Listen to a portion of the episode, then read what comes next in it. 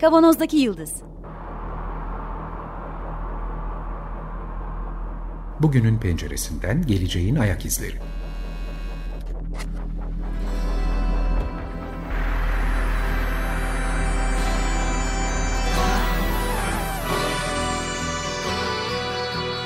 Hazırlayan ve sunanlar İsmail Başöz, Haluk Levent, Mustafa Yılmazer ve Fethiye Erbil. Zorlu Holding Sürdürülebilirlik Platformu Akıllı Hayat 2030, herkes için daha yaşanabilir bir dünya diler. Merhabalar, Açık Radyo'dayız. 95.0 Kavanoz'daki Yıldız programında sizlerle beraberiz. Geleceğin ayak izlerini sürmeye devam ediyoruz. Geçtiğimiz haftalarda Covid döneminin etkileri ve buradan yola çıkarak oluşan değişimleri bir parçasını konuştuk. Ee, bunlardan biri eğitimdi.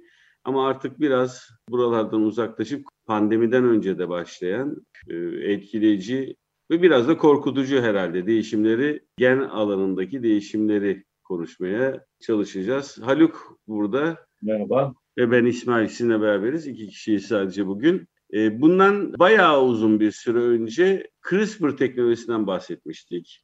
Çok kabaca neydi CRISPR teknolojisi? İnsan embriyosu üzerinde hastalar yol açabilecek bozuk gen parçasının kesip çıkarılması diye çok kabaca anlatabileceğim bir teknolojiden bahsetmiştik. Çok büyük bir bilimsel dönüşümdü bu, bilimsel e, buluştu. Bakterilerin onları enfekte edecek olan virüsleri nasıl engellediğini tespit ettikten sonra bilim insanları buradaki çalışma yöntemini yani bakterinin virüsü görür görmez onun gen yapısına müdahale eden yöntemini alıp bunu insan embriyosunda kullanacak şekilde bir çalışma gerçekleştirildi. Kabaca CRISPR yöntemi dendi buna. İlk yapılan denemelerde Akdeniz anemisi bozuk genini taşıyan bir embriyoyu bu bozuk genden kurtararak doğacak çocuğun hastalık taşımamasını sağlamak üzere plan yapılmıştı. Ama araştırma protokolü gereği 5. günde embriyon sonlandırıldı. Fakat bunun yapılabildiği görüldü. 2015 yılında da 2012'de başlayan bu çalışmalar 2015 yılında bir ara verildi aslında. Etik boyutunu tartışmak üzere bütün dünyada biraz yavaşlatıldı ve etik kısmı tartışıldı. Çünkü çok da korkulacak şeylerin olabilme ihtimalinden bahsediyorduk. Fakat bu arada Çin'de HIV virüsüne karşı dayanıklılık taşıyan çocuklar e, bir ikiz kız doğdu. HIV virüsünün hücreye girmesine izin veren bir proteini oluşturan CCR5 genini CRISPR yöntemiyle embriyoda devre dışı bırakarak bebeklerin HIV virüsüne karşı bağışıklığının sağlandığı söylendi. Evet. HIV pozitif babadan HIV bulaşması mümkün olmayan ikiz bebekler. Evet.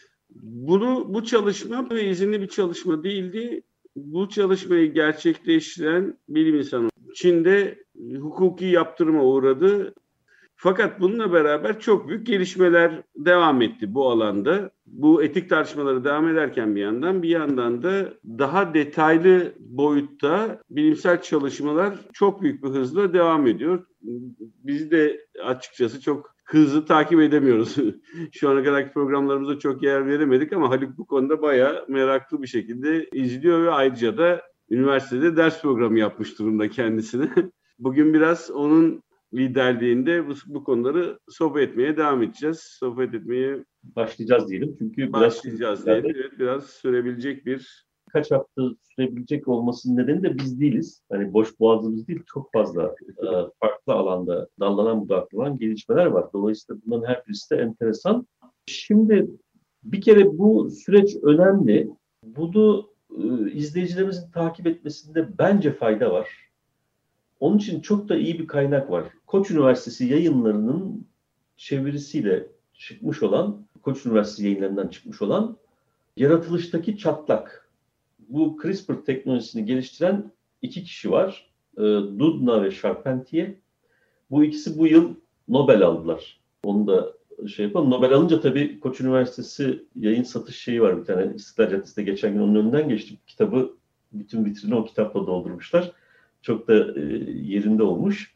Şimdi bunlar e, senin de bahsettiğin gibi aslında bir bakterinin bir virüse karşı savunma mekanizmasını incelerken birbirlerinden bağımsız olarak biri Fransa'da biri Amerika'da geliştiriyorlar meseleyi. Sonra bir toplantıda karşılaşınca da aa o falan beraber çalışıyorlar. Sonra niye bunu biz genel olarak kullanılacak bir araç haline dönüştürmeyelim deyip bu CRISPR teknolojisini genelleştiriyorlar aslında. CRISPR teknolojisi bir tür makas yani özel bir makas.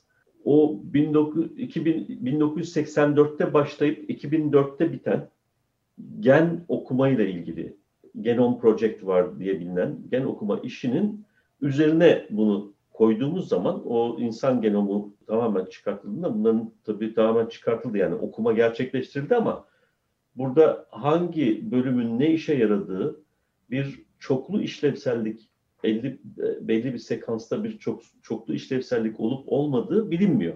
İşin biraz tehdit tarafı buradan geliyor zaten. Şimdi bu HIV meselesinde de HIV pozitif babada babadan doğan ikiz bebekler meselesinde de HIV'in bulaşabilmesi için o insan genomunda 12 harflik bir dizilimin olması gerekiyormuş.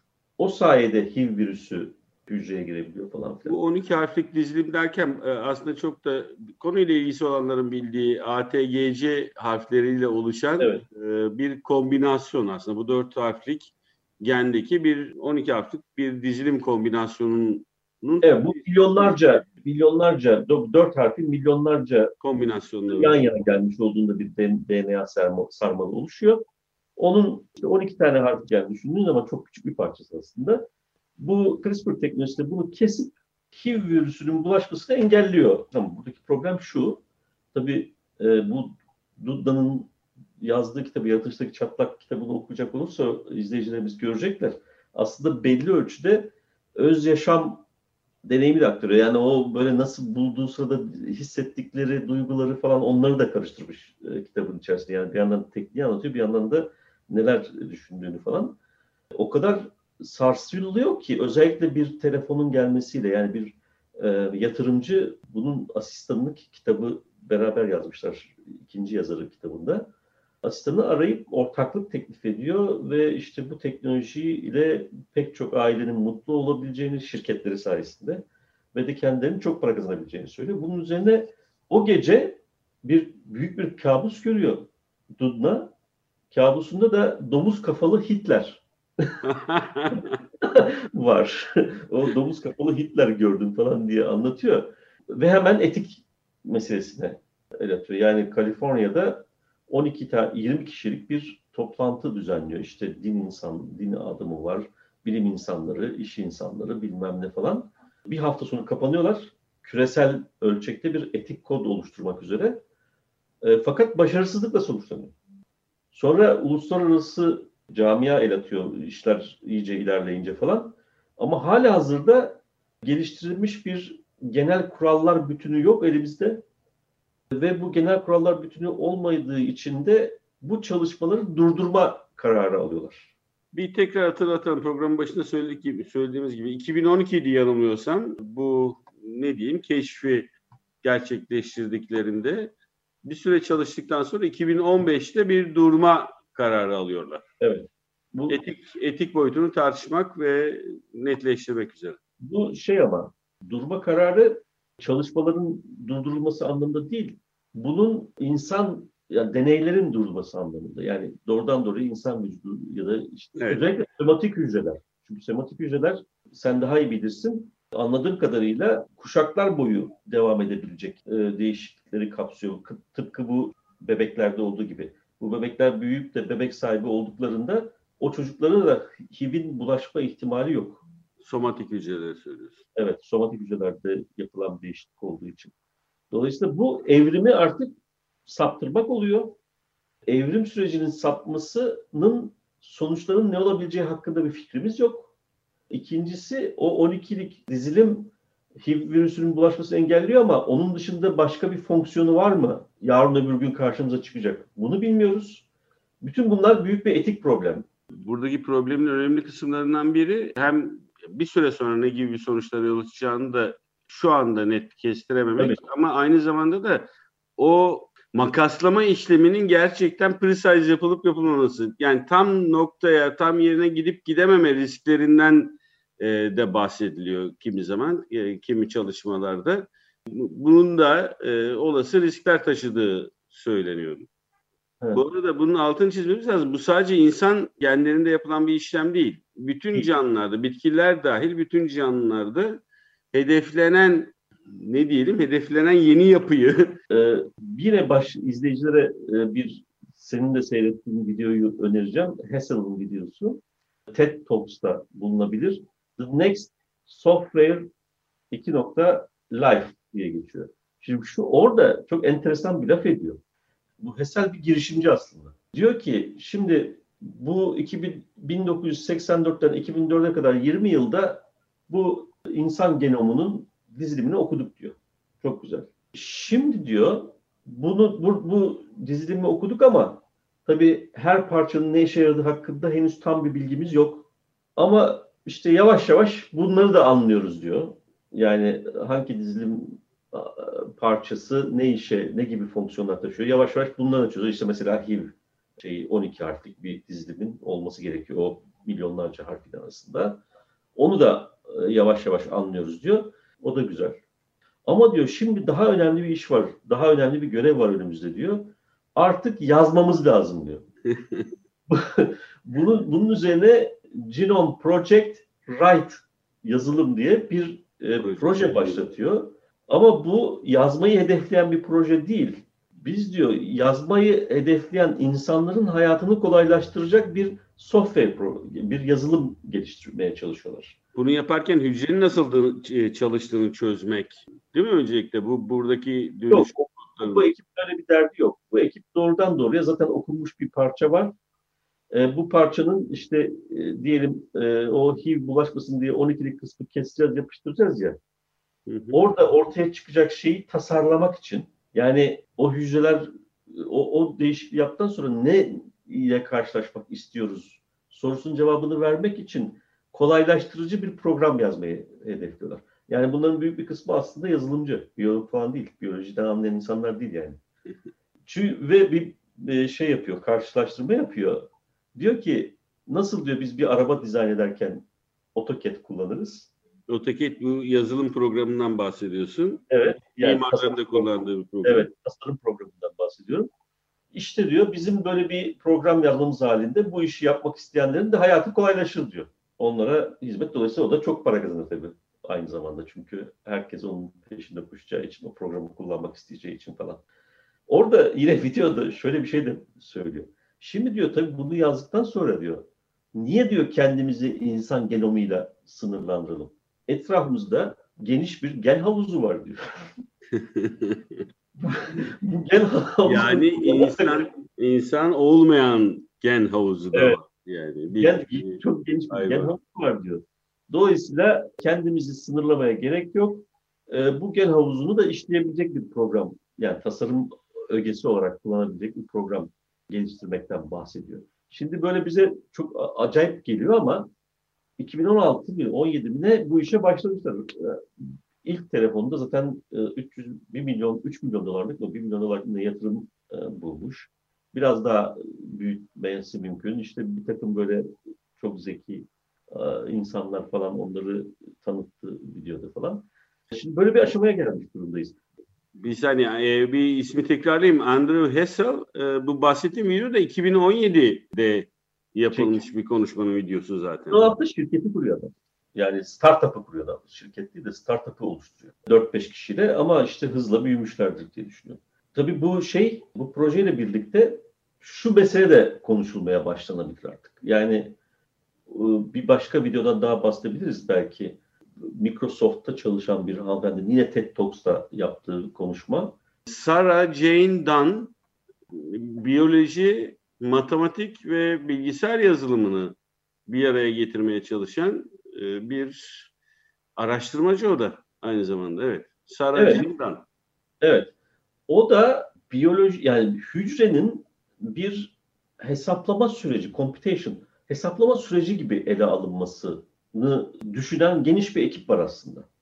Onun onlardan bir tanesi. Şu Belki de- hesaplama, hesaplama süreci derken kök hücreden yani hiçbir e, ayrıma uğramamış hücreden diğer hücrelere dönüşümünü nasıl gerçekleştiğini daha detaylarını anlamak ve bunu komputerize edebilecek, yazılımsal hale getirebilecek bir yol bulmaya çalışıyorlar. Evet. Yani e, şöyle bir soyutlama yapanlar var işte tek bir hücreyi aldığımızda bunu aslında bir fabrika gibi düşünebiliriz diyorlar. İşte buradan bir input giriyor, bir girdi geliyor. İşte bu fabrikanın içinde işleniyor ve bir çıktıya dönüşüyor.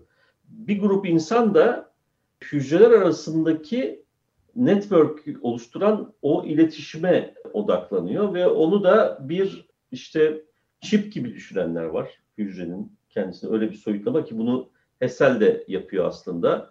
Ama daha önemlisi bunların belli bir amaca yönelik olarak ve belli bir işlemi kendi içerisinde yaptıktan sonra başkalarına kendi çıktılarını başkalarının girdi olarak kullanmasını e, sağlayacak büyük bir iletişim içerisinde olur. Bunun, bunun başlangıç yılı 2002'de yazılmış bir konsept not aslında. Bir sayfalık. Haluk bir dakika şimdi kendi çıktılarının başkasının girdisi olarak kullanılmasından bahsettin. Yani hücrelerin nasıl dönüştüğünü, nasıl çoğaldığını, aralarındaki iletişim nasıl olduğunu kompüterize olarak döküp başkalarının kullanabilmesini sağlayacak girdileri haline getirmekten bahsediyoruz. Bununla ilgili ilk makaleyi ilk ilk kağıdı hatta değil mi? Bir sayfalık. 2002 yılında şöyle bir şey. Makalenin başlığı bir hesaplama süreci olarak hücreler. Aviv Regev ve Ehud Shapiro yazmışlar. 2002 yılı. Hı hı. 18 yıl içerisinde geldiğimiz nokta bu. Yani CRISPR teknolojisi gelişti. CRISPR teknolojisini bir gen sürücüsü olarak kullanabilme kapasitesi gelişti. Yani gen sürücüsü CRISPR teknolojisinin üzerine gelişmiş en tehlikeli şey. O çok tehlikeli. Evet bu, bu, bu ee, bir program e, yapacağız zaten önümüzdeki günlerde. Evet. Artı işte bu e, computation meselesinde önemli ilerlemeler var. Şu Bunun... gen sürücüsü kısmını kısaca açalım. Biraz önce bahsettiğimiz müdahaleler ya da tedavi amaçlı müdahaleler embriyo üzerinde yapılan müdahalelerdi. Gen sürücüsünde direkt canlı organizma üzerinde yapılabilen o CRISPR teknolojisini canlı vücudunda tekrar tekrar yapabilecek bir sürücü olarak adlandırıyorlar bunu. Şimdi bunu konuşacağız zaten programda. E, canlının vücuduna yerleşti. Bunun sonuçları çok ölümcül. Yani olabiliyor. Mesela uygulama alanlarında işte ne bileyim e, sıtma yayan sivrisineği tümüyle yok etmek. Yani bir canlı türünü ortadan kaldırmaktan bahsediyoruz çok kısa bir süre içerisinde. Hayır şimdi onu böyle söylersek buradaki amaç çok ulvi bir amaç. Sıtma mikrobunu taşıyan sivrisineklerin kaldırılmasından daha doğrusu sivrisinekler devam ediyor fakat onların mikrobunu taşımayacak hale getirilmesinden bahsediyor ama senin bahsettiğine ben şöyle korkutucu bir örnek vereyim. Mesela bir enjeksiyonla vücutta e, insan vücudunda kas hücrelerini artırmak gibi ya da e, hayvan vücudunda fark etmez. Yani zaten evet. Bu tür müdahaleler de var. Yani esas e, benim için çok kafa karıştırıcı olan yerler burası. Bu konuyu ayrıca bir program yapacağız. Bunu bunu geçelim. Bu işte bir işlem süreci olarak hücre kavramı sonra çok bir süre sonra ilgi çekmeye başlıyor. Ve bununla uğraşan bir ekip de var. Sonuçta buradan vardıkları belki bunu da ayrı bir program düşünürüz. Çünkü bunun e, bilim kurgu yani şimdi söyleyeceğimin bilim kurguya açılan geniş kapıları da var. Sentetik hücre yapılıyor. Hatta sentetik hücreyi internette bir yerden bir yere nakletme işlemi. Nasıl ya? Nasıl? Hücre Diyor, yaptım diye çıkmış ortaya adam. TED Talks'ta konuştuğu için bunun anlamlı bir yani gerçekten yaptığını. Hatta e, altındaki makalelerde bir, birisi de öyle bir makale hakikaten böyle bir şey var falan diye makale yazmış. o da e, referans gösteriyor. Şimdi bütün bunlar birleştiğinde şöyle acayip bir durum ortaya çıkıyor. Hayır bir dakika e, gene sözünü keseceğim. Bir yerden bir yere e, aktarma kısmını azıcık bir açalım. Hücre aktarılmıyor tabii sonucunda. Yok, program aktarılıyor ama internette naklettim diyor adam sonuçta. Bakın. Ee, şöyle çok kabaca şöyle anlatabiliriz. Kodlarını aktarabiliyor. O kodlara bağlı bir 3D printer gibi düşünelim. Bu 3D printer'ın ne, ne istediğin maddeyi koyabiliyoruz artık hani metal e, ya da şekillendirilebilen sıvı hale getirilebilen işte metal olabilir polikarbon olabilir vesaire bunlarla çeşitli organizasyonlar yapabiliyoruz ama şu anda bahsettikleri evet kodu aktarıyorlar ama bunun gerçekleştirebilmesi, üretilebilmesi için yani evde üretilebilmesi en azından evde bile üretilebilmesini sağlayacak. Orada yine 3D printer'ın ya da printer'ın çok büyük bir organizasyon olması gerekiyor. Bütün kimyasal maddeleri taşıyan ve bunları o kodlar vasıtasıyla birleştirebilen bir makinenin olması gerekiyor tabii. Yani evet. bir çeşit printer olması gerekiyor. İlginç ama. Yani bugün çok, çok iletişim, ilginç, iletişim teknolojisinin sınırları içerisinde böyle yapıyor. Yarın öbür gün bu sınırlar aşıldığında başka türlü şeyler olabilir. Işınlama gibi mesela. evet Mars'ta Mars'ta e, basabilirsin bu hücreyi mesela değil mi? İletim için illa kablo gerekmeyebilir değil mi? Halen işte başka türlü iletim şeyleri var. Neyse yani bu fantazi kısmını ya da işte bilim kurgu tarafını başka bir programda konuşuruz. Şimdi bu bütün bunlar bir araya geldiğinde şöyle bir durumla karşı karşıyayız. Elimizde ne var ona bir bakmak lazım. Bir, bu e, nötr bir teknoloji. Yani buradan çok iyi şeyler elde edebiliriz. İnsan türü için ve diğer canlı türler için büyük bir tehdit yaratacak şeyler de ortaya çıkabilir. Atomun parçalanması gibi diyorsun yani. Evet. Çok iyi, elde edebileceğimiz çok iyi şeyler şunlar. Yani işte bütün bu hücrelerin arasındaki iletişim e, çözülebilirse e, buna müdahale etme şansımız da olacağı için bu şu anlama geliyor. Her türlü organı aslında kök hücreden üretme imkanı olabilir. Şimdi bu bu tür bildiğim kadarıyla tıpta bayağı bu konuda çalışan insan var. Ama bu çalışmayı kompüterize şeyle e, bilgisayarlaştırma yazılım yoluyla doğrudan doğruya hücrenin kendisi programlanabilir bir entite olarak almak bayağı sarsıcı bir düşünce. Bunu yaptıkları zaman işte o zaman her türlü evrimi, şunu bunu kontrol edebilir hale geliyoruz. E bu sentetik hücre üretmeyle de bütünleştiğinde Endüstri 5.0 ile ilgili bir makaleden bahsetmiştim çok önceki programlarda e, bir bilimsel makaleden. Oradaki anahtar kelimeleri okumuştum. İşte sentetik biyoloji, sentetik evrim e, falan gibi.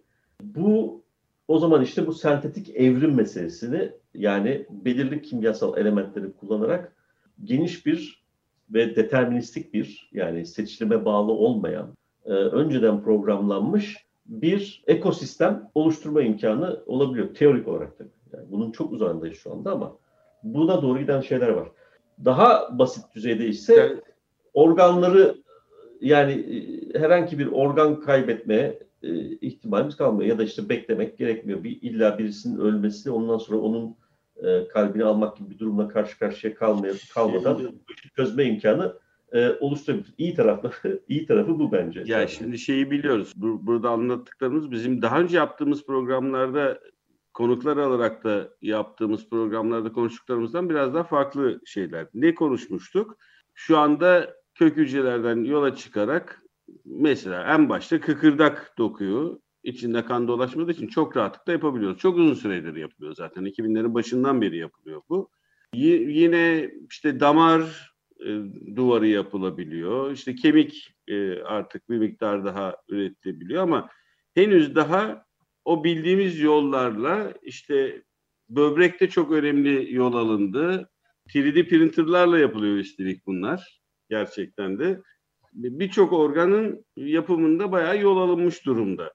Şimdi burada kullanılan aslında oradaki kök hücrenin dönüş, dönüştürmesini sağlayıp e, işte kıkırdağı, deriyi, elbette deri bir organ olarak düşünsek deri dokusunun yapılması artık gerçekleştiriliyor. Fakat biraz önce bahsettiklerimiz artık bunların tam bir kompütür ayaklarını da oluşturarak. Dolayısıyla burada artık son olarak herhalde vaktimiz de doldu zaten.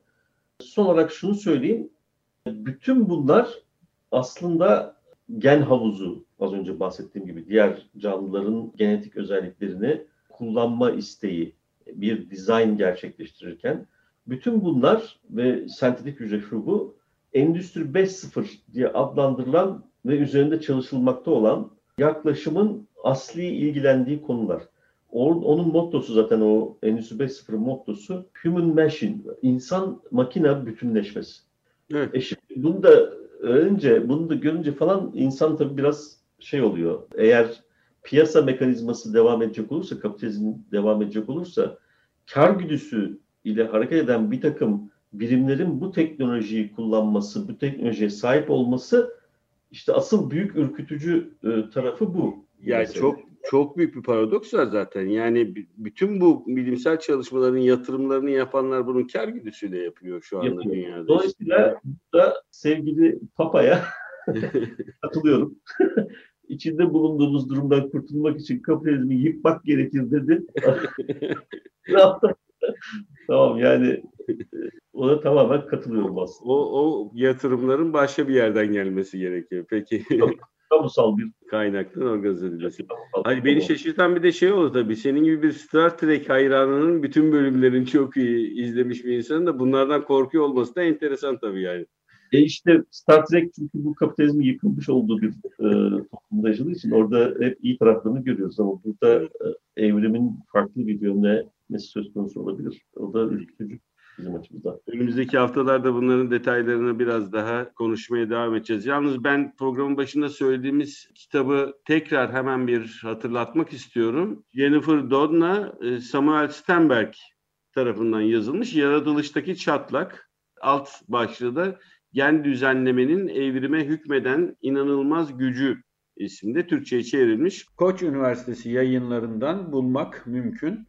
Yaratılıştaki Çatlak kitabı ilgilenenler için onu da bir hatırlatmış olalım. Evet, bu haftaki programın da sonuna geldik. Bir birkaç hafta herhalde bu gen düzenlemeleri konusundaki gelişmelerden e, bahsedeceğiz. Biraz daha detaylı olarak konuşmaya. Haluk'la beraberdik. Bu programın size ulaşması sağlayan bütün Açık Radyo çalışan arkadaşlara canı gönülden teşekkür ediyoruz. Program destekçimize keza çok teşekkür ediyoruz. Önümüzdeki haftalarda tekrar görüşmek üzere. Hoşçakalın. Hoşçakalın.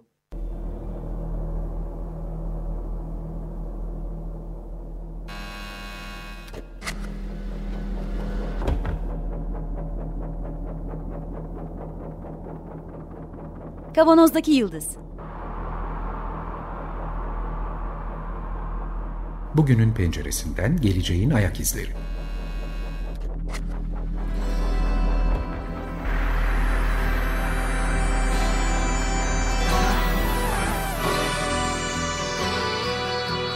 Hazırlayan ve sunanlar İsmail Başöz, Haluk Levent, Mustafa Yılmazer ve Fethiye Erbil. Zorlu Holding Sürdürülebilirlik Platformu Akıllı Hayat 2030 sundu.